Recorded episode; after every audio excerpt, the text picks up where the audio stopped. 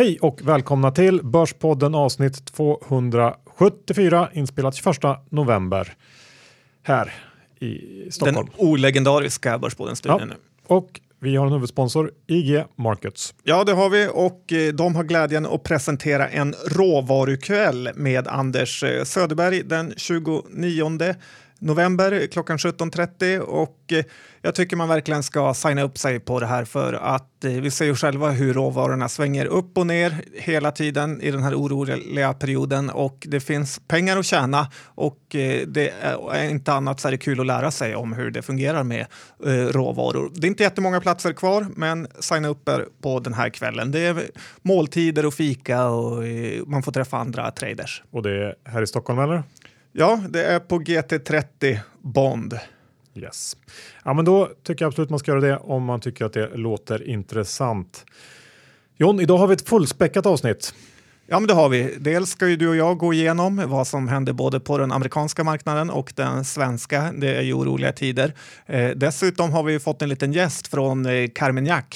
Precis, eh, vi börjar ju närma oss det här stora G20-mötet och eh, en hel del av börsens eh, kanske riskvilja framöver kommer att hänga på om det blir något, någon deal där mellan USA och Kina och vi får förutsättningarna förklarade för oss av Carmignacs Emerging Markets förvaltare Xavier eh, Hovas. Ja, Så det är att- kul att gå jorden runt faktiskt med honom. Ja, så vi kickar igång dagens avsnitt helt enkelt. Johan Dr. Bass Isaksson, vi har index i, tycker jag, låga 1464 ungefär. Och eh, ja, du är väl kanske den mannen som har förut eh, spått den här nedgången mest av alla i hela Sverige i alla fall. Så vad säger du? Ja, men det börjar ju faktiskt kännas lite småbäsigt nu om, man- om man ska vara ärlig. Och zoomar vi ut lite grann och tittar på index så har vi ju handlat mellan 1680 och 1480 på OMXS30 här i ett antal år nu och igår så stängde vi ju faktiskt en bra bit under 1480 vilket då enligt många tekniska analytiker betyder att vi fått en säljsignal och att lägre nivåer antagligen kommer. Är det Orup eh, Torssell som är framme igen? Ja, bland annat. Eh, Och eh, jag säger ju såklart inte emot. Eh, Tycker att det, det, det är ju inte alls orimligt om det skulle hända. Ehm, Jag noterar om vi ska gå över till eh, lite mer eh, hard facts att eh, US Housing har ju eh, fullständigt havererat på slutet och eh, de lyssnare med gott minne kommer ihåg att Bodenholm Per sa att eh, Peter Lynch himself bara brydde sig om en enda makrodatapunkt och det var just eh, US Housing.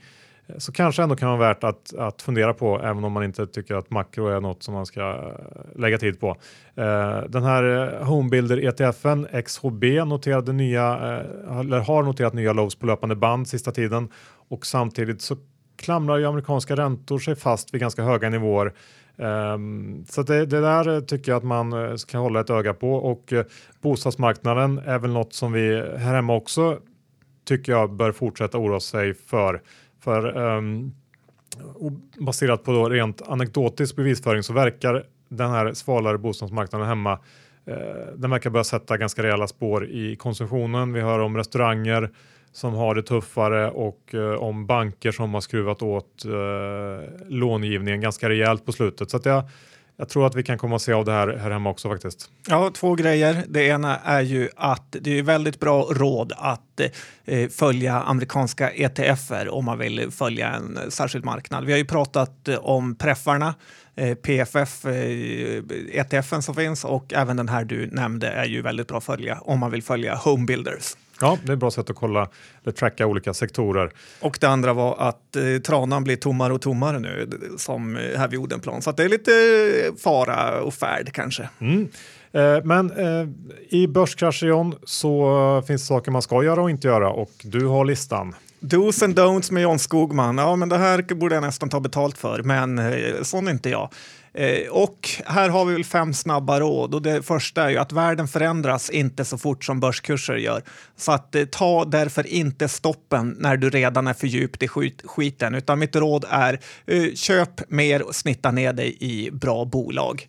Eh, råd nummer två, undvik belåning. Och det här kanske egentligen borde vara första rådet, för det är väldigt, väldigt lätt, det vet ju både du och Johan, att man tar ett felbeslut när man är belånad. Eh, man kan bli tvingad att sälja när man inte vill och kanske ännu värre är att man känner sig tvingad. Det är lätt att hitta på demoner i sitt eget huvud om vad som kan hända med det här bolaget när man är stressad.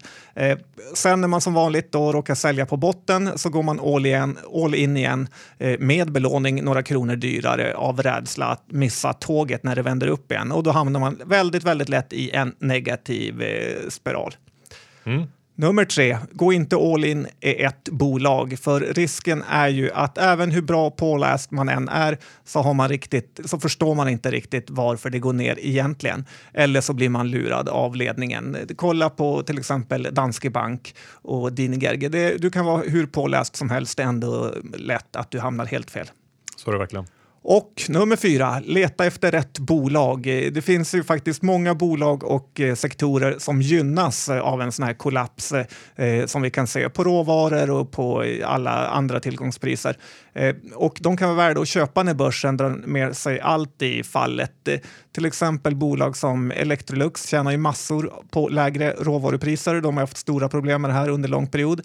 flygbolagen skrattar ju också hela vägen bank till banken när oljepriset eh, tappar 30 procent på en månad. Så att det, det, finns faktiskt bra affärer och bolag som tjänar på när eh, saker går ner.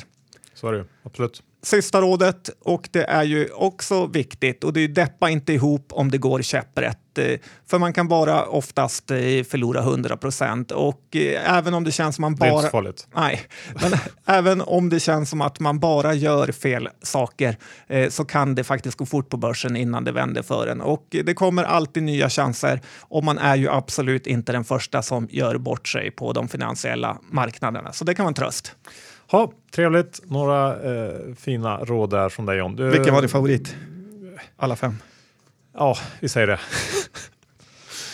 eh, spelbolagen har haft det tufft på slutet. Fått ja, mycket då, skit. Ja, men det har de faktiskt fått. Och eh, det blir ju som vanligt när drevet går att det är mode att hata samma sak. Och nu är det spelbolagen som har hamnat där. Eh, Aftonbladet, eh, Sveriges värsta nyhetskälla som ägs av Schibsted by the way, eh, har ju valt att köra en kampanj mot eh, spelbolagen om hur mycket skit de ställer till med och eh, allt vad spelberoende är. Och samtidigt kan man tycka det är lite konstigt eftersom de under flera års tid mosat kastat ut eh, spelreklam på minsta lilla yta de haft på sin sajt. Eh, det var en källa till mig här, jag tror jag sa det förut, som sa att ett enda spelbolag eh, betalar Aftonbladet ungefär 60 miljoner per år.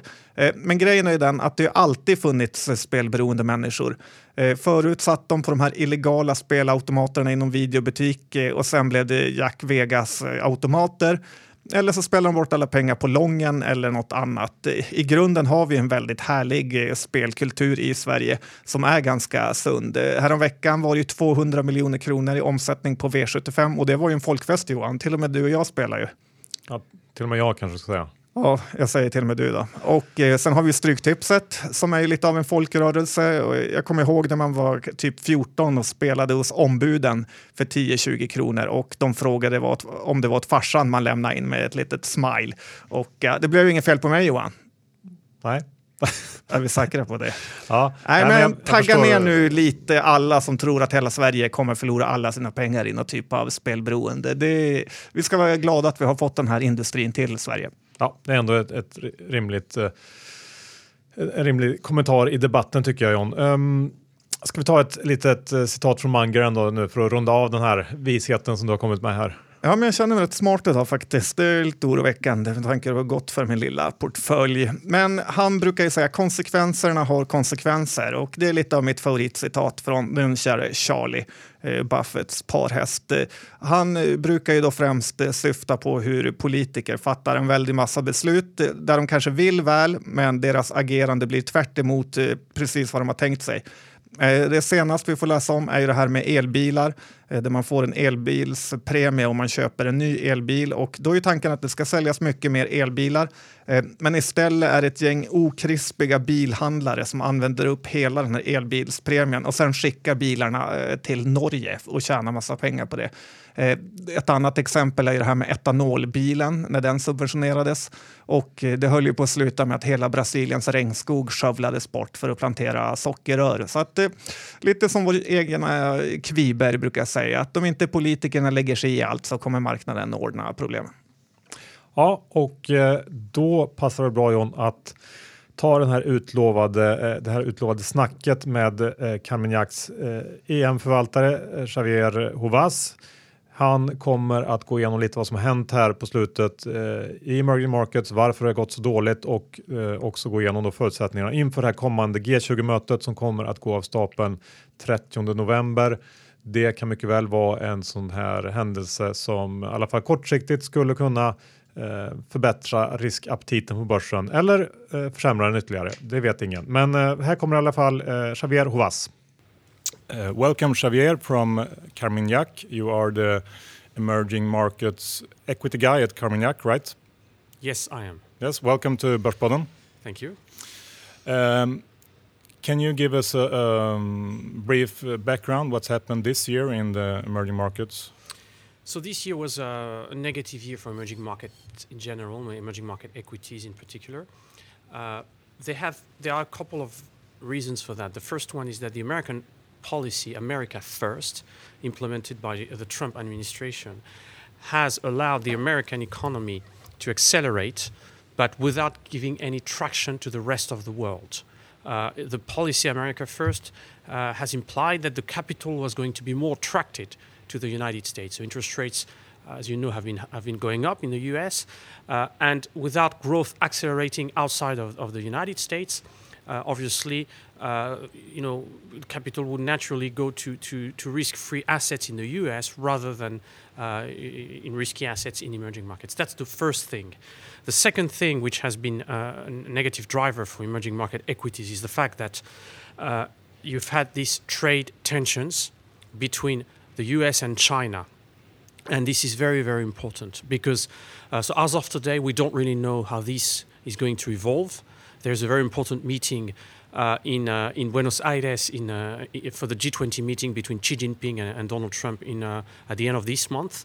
Uh, but so far this year, what we've seen was absolutely not expected at the beginning of the year. People knew that there was going to be some tensions, but the actual implementation of tariffs on more than 250 billion dollars of Chinese imports to the U.S. was not really expected. Uh, this, particularly now that we know that normally this, uh, the, the, these tariffs will go to 25% as of January 1. Uh, this has major implications, negative implications for China, obviously, uh, but also for global growth as a whole. Uh, because the, the, entire supply chain in, uh, in, the, in, in, the global industry is going to be reshuffled because of those threats. If you're a Japanese company, if you're a Taiwanese company, an American company, German company, a Swedish company, you're not going to expand your manufacturing facilities today in China, uh, given the uncertainty on how the tariffs will evolve. So the combination of these two factors has been negative for emerging markets, and the countries, the assets which have been hurt the most, are the ones which had the weakest macro fundamentals. So I'm talking about countries like Turkey, Argentina, countries which had sizable external deficits. So when the cost of capital globally increases because the risk-free interest rates in the United States go up, obviously those countries are more vulnerable and China has been uh, has been very particularly weak because of the trade tensions, in addition to uh, to uh, to uh, higher rates. You sound uh, very negative. Don't you see any positives uh, out there? Well, the reason why I sound negative is because you, your question was about what's happened this year, so I had to explain what's happened this year. Going forward, I cannot tell you today that I'm very positive. I don't I'm not going to tell you that I'm negative either because uh, we are going to face a binary outcome, to, uh, which will be uh, the trade uh, situation between China and the US, if these trade tensions evolve into a Cold War between the US and China, because as you know, it's not only about trade, it's about global hegemony as well. If you listen to, to Mike Pence, the, vice, the Vice President of the United States, he's talking, he's very worried about the military actions of China as well in the South China Sea. So it's, it's, it's all about China influencing the entire continent in Asia. Uh, so if we evolve, if these trade tensions evolve into a trade war, there is no way emerging markets assets will perform well. And on the other hand, uh, if uh, there is easing of those tensions, emerging markets will rebound because they've been very weak this year. So you have now a very strong valuation argument. A lot of companies have become particularly cheap uh, in China, for instance. Uh, some currencies have been hurt a lot and now now very attractively priced. I would say, like for example, the Indian rupee uh, is a cheap currency. So you have a lot of potential for appreciation, but you have this binary outcome, and it's very difficult uh, because it's political. So it's very difficult to forecast. Donald Trump. There are two sides of Donald Trump. On one side, he's a Chinese hawk. He wants America first. He wants to make America great again at the detriment of other countries, if, if possible, you know, because he wants America to regain its hegemony, uh, its hegemonical position in the world. Sorry, but the second aspect of Donald Trump, which is equally important, is that he is a businessman. He likes to do deals. Uh, he wants to strike a deal with Xi Jinping. He has been tweeting about that a couple of times recently, which is, has given a lot of oxygen to, to the markets, uh, especially before the, the, the midterms. And uh, he, he would like also to, uh, you know, to shake hands with Xi Jinping and say, and, and say to his population and to the world, look, we have, we have been striking a very good deal, we will, which, will, which will be beneficial to America. Uh, and there's a lot of pressure from the business world in the United States to push Trump for a deal, obviously. So he's got he's influenced by these his two these two aspects of the of his characters. Uh, he's surrounded by people who are a mix of Chinese hawks, like uh, Peter Navarro uh, or Wilbur Ross, but they're also all the Chinese doves, so all the businessmen surrounding him, or, or, or Larry Kudlow, these guys. So we will see. It is a, we, we, there's a, we're heading to a binary event with this G20 meeting in in uh, in Argentina. So, what do you think? Is it a coin toss, or or what, what what's your opinion? What's most most likely? I, I think it's almost a cost coin in the sense that it's 50-50. Uh, the key thing to to monitor is uh, whether the tariffs go from from 10% to 25% on January 1 for the 200 billion dollars of Chinese imports that were added to the list of, uh, of tariffs in September. That's the key thing. And I think it's a 50 50 event. Uh, maybe uh, Donald Trump is going to say, okay, I'm going to suspend the increase in tariffs to give more time to Xi Jinping, to, uh, to China to, to improve, uh, you know, to, to meet our requirements because, you know, the US have, have, uh, have, very, have sent a list of 143 formal requirements to, the, to, the, to, the, to China. Uh, so that's 50-50 event. The other 50% is the tariffs go to 25%. I would say it's, it's like a toss coin. But you're an equity guy. Uh, where do you put your money right now? What market do you prefer? So I think you want to put your money into binary event. You don't want to take excessive risk, right? So you want to put your money into companies which have a strong balance sheet, which generate cash flow, uh, which have a good earnings visibility. Uh, and also, if you invest, for example, in those one of those countries where the markets have been particularly weak, like China, you want to invest in companies which have been extremely weak because some some some companies in China this year have lost a third of their value, sometimes more than that, and they've become very cheap. So you want to benefit from from that, the fact that there's been a big uh, drop in, in valuation. Voilà, so cash flow, good cash flow, strong balance sheet, good earnings visibility, and, and good valuation. And today you have such uh, opportunities. So you're overweighted in China then. Uh, what, uh, what, market are you underweighted in? Alors, we, we are underweight in, in, in, markets like Taiwan and Korea because those North Asian uh, countries will be hurt by the trade war, obviously.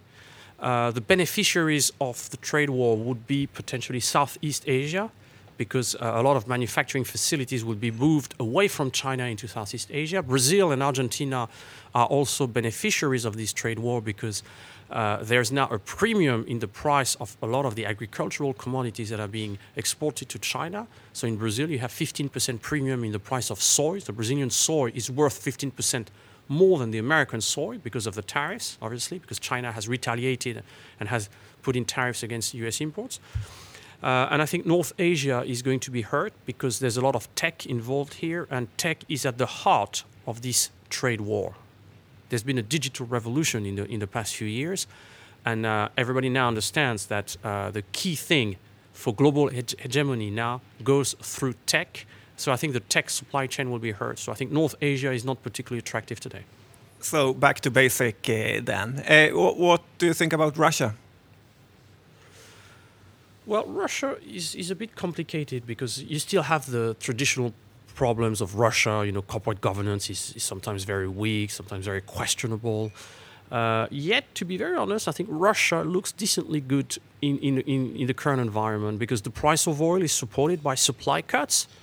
Uh, so the production of oil has completely collapsed in places like uh, Venezuela. You've got the Iranian situation. Uh, so Russia benefits from uh, the, the supply-demand imbalance caused by the, these OPEC cuts. Um, I don't know if Russia is going to cut uh, more barrels of oil, but it doesn't matter to them. If they cut uh, their production by 100,000 or 200,000 barrels of oil, they will lose a little bit of volumes, but they will gain in the price. So I think they are in a strong situation. Uh, they have a very the, the, the central bank is is is, a, is very well managed. So you have a very orthodox monetary policy. The fiscal policy is very strong as well. So they balance their budget. They don't. They used to to to, to, balance their budget. They used to to to to, to need eighty dollar barrel. Today it's it's it's it's it's below fifty dollars to balance the budget. So the fiscal both the fiscal policy and the monetary policy of high quality. So we are slightly overweight in Russia. Uh, we own. Um, a company. Uh, we own uh, the Moscow Exchange. We own Yandex, which is the the Russian Google. It's also the Russian Uber, Uber because they have this taxi business. Uh, they have a dominant positions in both uh, search and taxi, plus a lot of potential, uh, a lot of optionalities. so I think Russia looks slightly better than the average of emerging markets. A very popular market for uh, fund investors in Sweden are Vietnam. Uh, what do you say about that?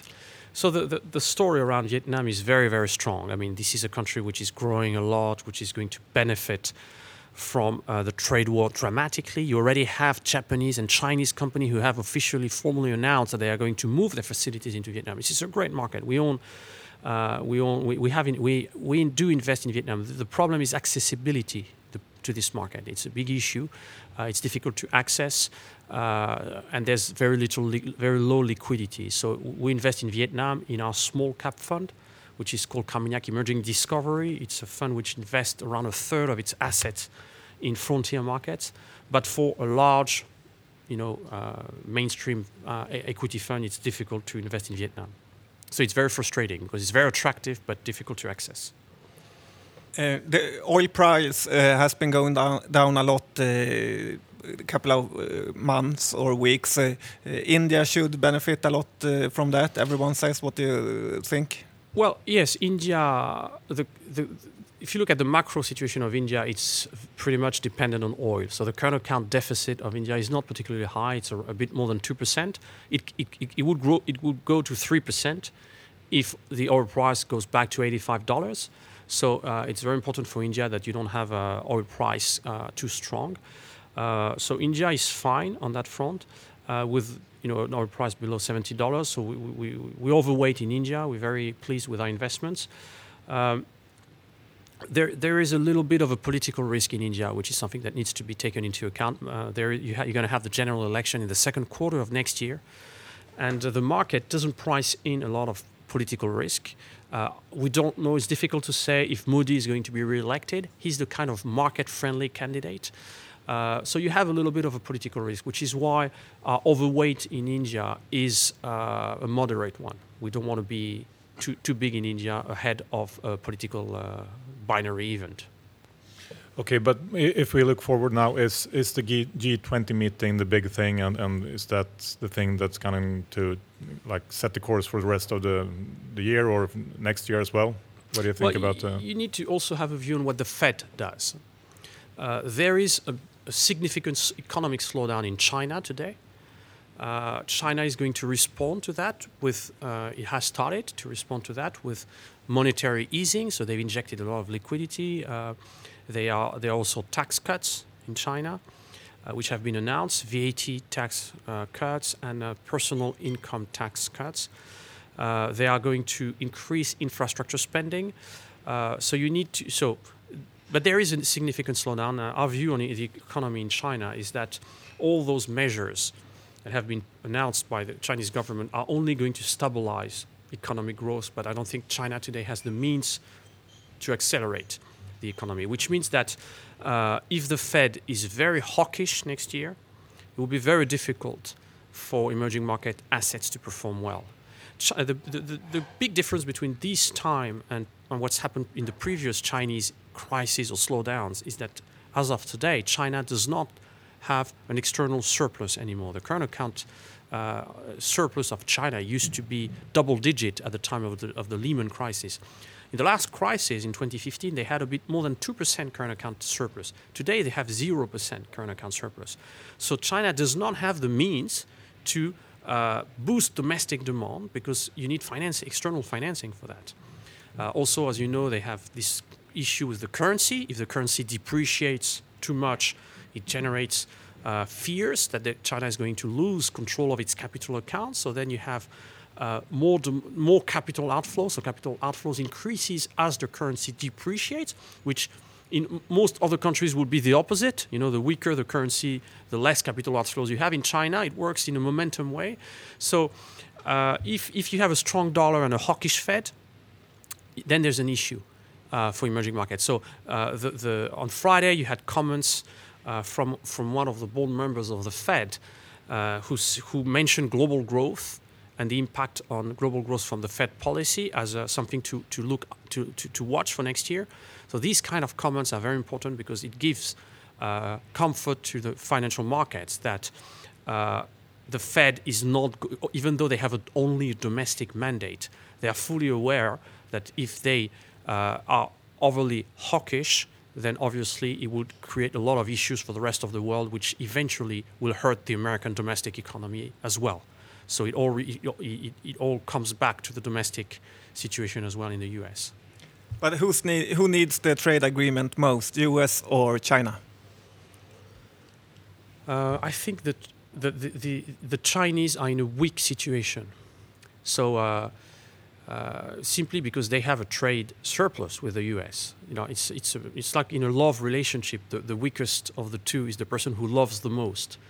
Uh, in a trade relationship, the weakest person is the one who has the, the higher surplus, uh, because obviously, uh, if if uh, if there is no trade agreement, China will lose a surplus which is you know almost 400 billion, 400 billion dollars, which is uh, a lot. It's like 1.7% of Chinese GDP. That's the trade surplus just with the United States. That's what at stake. And given that China today does not have external surplus, they are they cannot afford to uh, to lose uh, that money, which is why they are in a very weak situation. This is the reason why the American equity markets year to date are flat, and the Chinese equity markets are down a lot this year. You know, the, particularly the domestic market, uh, because uh, because China is in a weak situation, and I think the U.S. have done a very good job by uh, strengthening the North American Free Trade Agreement. So it needs to be voted in the in, in the House of Representatives in the U.S. But I think that both the Democrats and the Republicans are going to to vote favorably. Uh, but and when that is voted, so this is the new NAFTA deal, uh, which has changed its name, but it's basically a strengthened NAFTA, uh, uh, with a, a, very strong North American free trade agreement.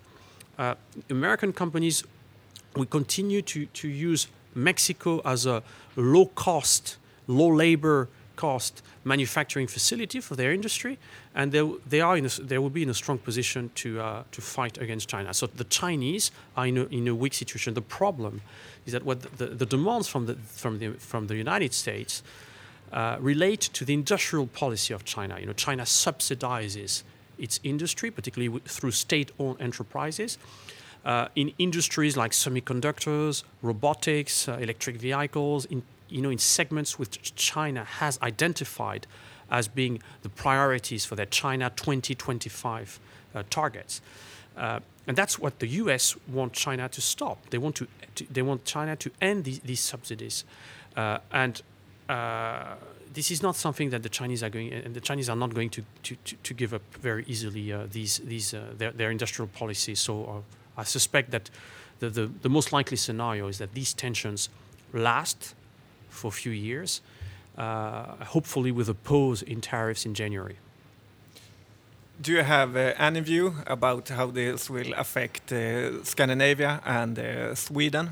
So I'm not an expert in Swedish companies, so I cannot really uh, answer precisely. But obviously, companies which have exposure to China, uh, Assa Abloy, for example, which has exposure to Chinese construction, uh, will probably be hurt somehow by the economic slowdown in China. And if there's a full blown trade war between China and the US, then the economy in China will not slow down from 6.5% to 6%, but could slow down much, much more than that, in which case the profits of, the, of this company will be, will be obviously hurt. Great. Uh, thank you for giving us an update on the emerging markets in China in particular. Thanks. Thank you, guys. Jan, finns det något bättre än att eh, åka skidor i Alperna egentligen? Det gör nog faktiskt inte det. Att eh, klockan 10.30 svänga in på en sån här liten eh, bergsstopp och ta sig en stor veteöl. Eller en Bombardino. Ja, inte heller fel. Nej. Ja, men så är det ju och eh, därför är vi glada att vi har SDS Alpresor som sponsor i dagens avsnitt. Um, på fredag så är det Black Friday och då har STS Alpresor sänkt sina priser tillfälligt med upp till lyssna nu, 60% på utvalda resor. Eh, det innebär att man kan hitta en resa från otroliga 4 995 kronor och det bästa är att redan nu kan du som Börspodden-lyssnare skriva upp dig på VIP-listan. Inte varje dag man står på en sån. Nej, inte du och jag i alla fall. Nej, men nu har alla lyssnare den möjligheten och därmed få förtur till årets Black Friday. Så gå in på www.alpresor.se Borspodden och skriv upp dig på VIP-listan så får du förtur till årets Black Friday och kan då fynda en alpresa. Jag har redan köpt till fullpris tyvärr, men hade jag inte gjort det så hade jag definitivt fyndat nu. John, vi är mitt uppe i, eh, förutom börskrasch, så är vi också mitt uppe i kapitalmarknadsdagsbonanza. Många sådana nu. Ja, man måste vara ganska intresserad för att orka läsa vad de säger. Ja, eh, jag har i alla fall tänkt kommentera två av dem. Eh, Atlas och Catena. Atlas hade ju sin i slutet av förra veckan och bekräftar väl i stort utsikterna från Q3, vilket var väntat. Och här kan man väl flika in en liten kommentar när det gäller Eh, utsiktskommentarer och sånt här current tra trading snack att det eh, tycker jag inte man ska lägga för stor vikt vid vid de här kapitalmarknadsdagarna. Det är ju till exempel mindre än en månad sedan som Atlas släppte sin Q3 och eh, om det inte sker någon total eh, jätteförändring i marknaden så är det ganska osannolikt att de ska hunnit ändra uppfattning eh, nu och även om det var så att det skulle ha gått lite bättre eller sämre de sista två veckorna eller tre veckorna så tror jag inte att man skulle välja att ta upp det riktigt. Så det blir ju lite sådär eh, icke-nyheter kan jag tycka. Ja, det är lite kröka-event för analytikerna i London. Ja, jag antar det. Men hur som helst, eh, kommentarer kring vakuumdelen och auto låg ju såklart i fokus inför. Och eh, det kom väl egentligen inte fram något nytt alls. Eh, den här senaste tidens svaghet inom inom vakuumdelen och halvledardelen. Beror främst på minskade investeringar i Korea säger man. Och eh, här menar också Atlas att man har skruvat om organisationen så att man ska klara av att hantera en vikande marknad snabbt nu. Eh, man har en hög nivå av inhyrd personal, över 20 procent, vilket då gör att kostnadsmassan är betydligt mer flexibel än tidigare och eh, inom auto sa man bara att efterfrågan har fallit något, vilket väl är i linje med förväntningarna. Tittar vi på aktien så handlas den fortfarande till en ganska rejäl premie mot sektorn, över 20 procent. Eh, det i kombination med att jag personligen tror att förväntningarna fortfarande är för höga på Atlas eh, in i 2019 här gör väl att jag är fortsatt negativ till den här aktien. Ja, men jag förstår eh, hur du tänker faktiskt. Ja, och sen hade ju Catena Media eh, kapitalmarknadsdag igår inte heller där var det något särskilt nytt som kom fram. Det här 2020-målet om att man ska nå en ebitda-nivå på 100 miljoner euro upprepades. Eh, men här skruvar väl vdn Per Hellberg lite på sig också och sa att för att nå dit så krävs det att eh, några fler stater öppnar upp för spel.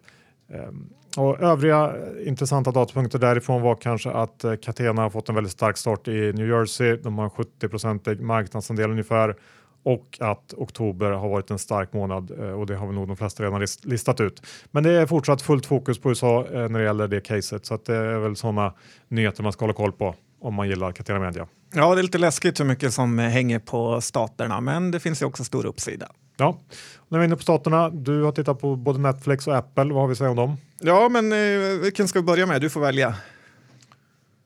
Eh, jag gillar ju inte riktigt någon av dem, men Netflix är ett bolag som jag har extremt svårt för, så att vi börjar med dem.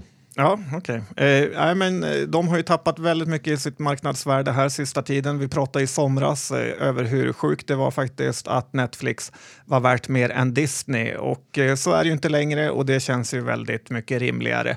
Eh, dock så har ju fallet kommit mycket, mycket fort och eh, när jag tittade på börsen igår kändes det ändå som det har bromsats upp lite här kring 265 dollars eh, nivån. Eh, P-talet är under 100 nu Johan, så börjar du bli sugen. Mm, men problemet för Netflix när, när aktiekursen sjunker är ju att deras sätt att mäta sin nettoskuld, den, den skyrocketar ju uppåt. Ja, nej, Eftersom det... baserar den på marknads eh, eller market cap.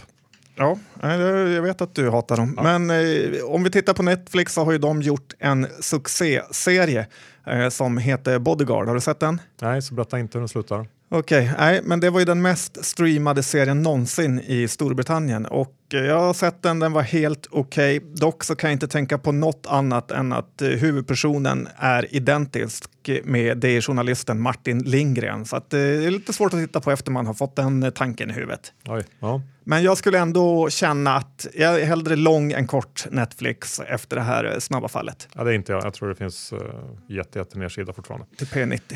Uh, Apple har ju tappat nästan 25 procent också sen toppen och det är ju och här otroliga pengar som försvinner upp i cyberrymden vid sådana här börsfall. Uh, över 250 miljarder dollar har den tappat i i pengar.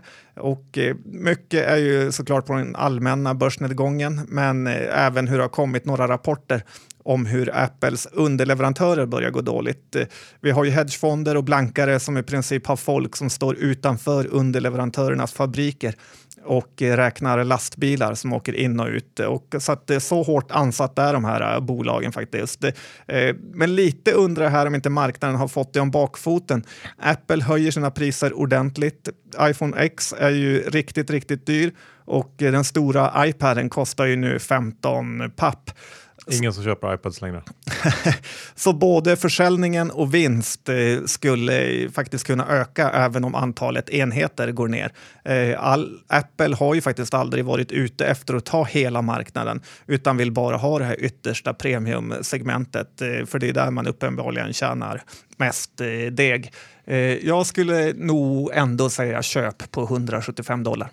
Så skulle det väl kunna vara kortsiktigt kanske, men jag tycker också att man kan eh, göra den här övningen och titta på eh, jag vet någon, vem var det det? Det var Simon Blecker som förra julen i sin julpresentation la upp bilder på vilka var de liksom, tio största bolagen varje decennium på amerikanska börsen och det byts ju ut ganska många bolag när man tittar sådär tio år, tio år, tio år och eh, tittar man nu så är det ju bara techbolag. Det är ju Apple, det är Google, eh, Amazon och så vidare. Och det finns väl en eh, överhängande risk att den listan inte ser likadan ut om tio år igen. Så det tycker jag ändå är någon slags tecken på att ja, det, även om det kanske har gått snabbt ner nu så tror jag inte att uppsidan är så stor i de här, någon av dem. Eh, Research då, de rapporterar i slutet av förra veckan.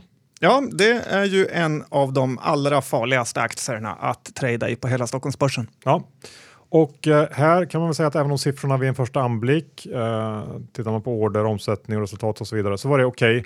Okay. Eh, men det är ju omöjligt att inte bli orolig för kassaflödet och deras redovisning. Och i, i Research fall så handlar det då om hur och när man bokar sina intäkter, det man kallar revenue recognition. Eh, och det här gör att resultaträkningen inte säger så mycket alls egentligen. Eh, och kassaflödet är då katastrofalt förr eller senare så måste man ta tag i den här frågan. Eh, jag tror ju inte det är omöjligt att vi får se någon slags större engångsjustering. Eh, en, ett sånt tillfälle skulle kunna vara i samband med årsredovisningen, för någonstans så borde ju eh, revisorerna säga ifrån här kan man tycka. Hur som helst att göra att jag har svårt att bli sugen på aktien trots att jag i grund och botten tycker att det de gör är intressant. Men jag väntar och hoppas på en, en större smäll helt enkelt i research.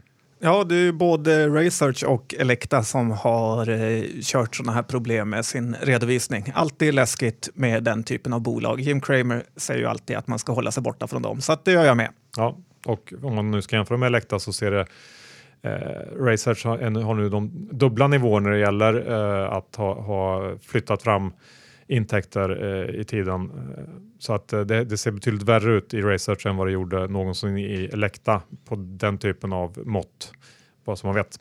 Men du, eh, är det någon som har tackat dig för eh, Minesto John? Nej, men tänk om man kunde få ett enda mejl där det stod det. Tack John, jag lyssnade på dig och insåg att eh, Minesto var ett övervärderat skitbolag. Men det har inte kommit något sånt mejl. Däremot en hel del andra mejl som säger lite mindre snälla saker. Eh, men de släppte ju sin rapport här förra veckan och Eh, nu har de ju börjat bränna pengar duktigt också, så nu är kassan snart tom.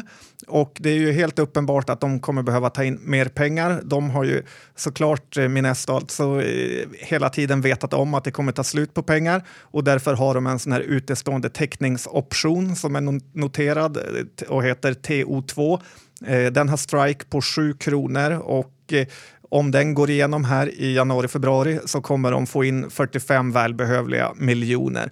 Eh, så att jag gissar att bolaget kommer komma med lite positivt news flow här för att få in de här livsnödvändiga pengarna. Så eh, ja, jag eh, är fortsatt väldigt negativ, men sådana här bolag har ju en enorm förmåga att fortsätta överleva.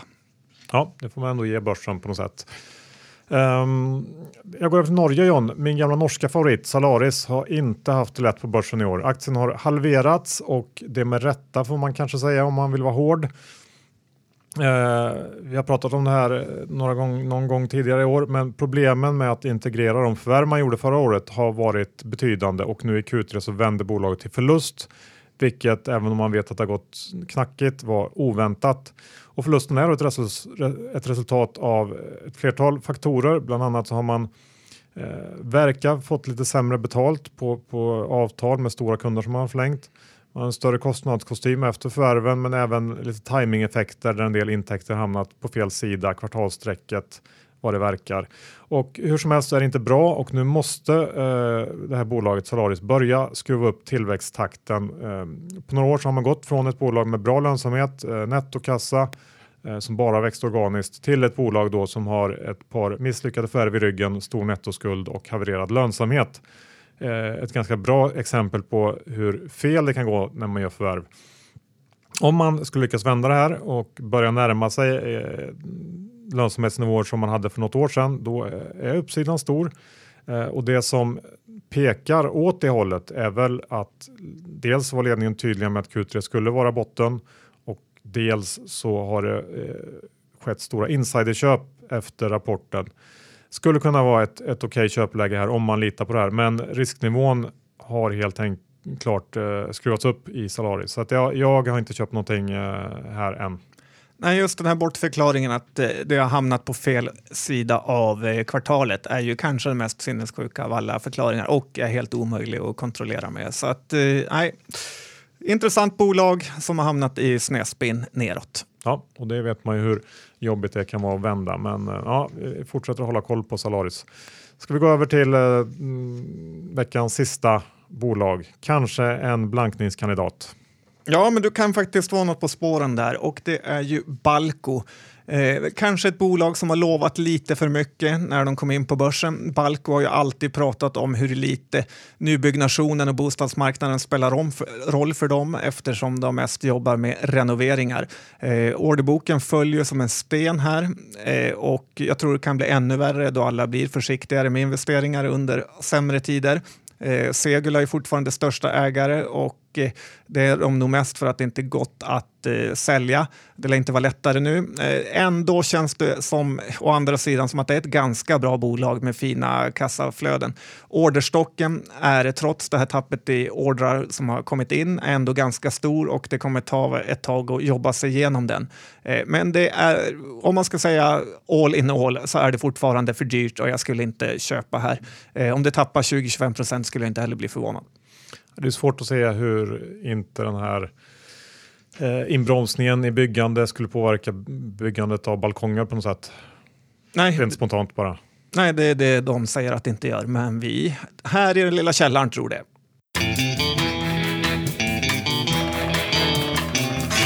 Slut på dagens avsnitt. IG Markets är vår huvudsponsor och eh, ni eh, ska inte missa den här råvarukvällen här i Stockholm om ni har ett intresse för det. Nej, 29 november, ganska snart alltså, har ni ett råvarukväll med Anders Söderberg som har haft en hel eh, rad toppositioner inom eh, råvaruhandel. Så att, eh, anmäl er på det, det kommer bli kul. Yes. Och eh, missa absolut inte tjuvstarten på Black Friday med STS alpresor.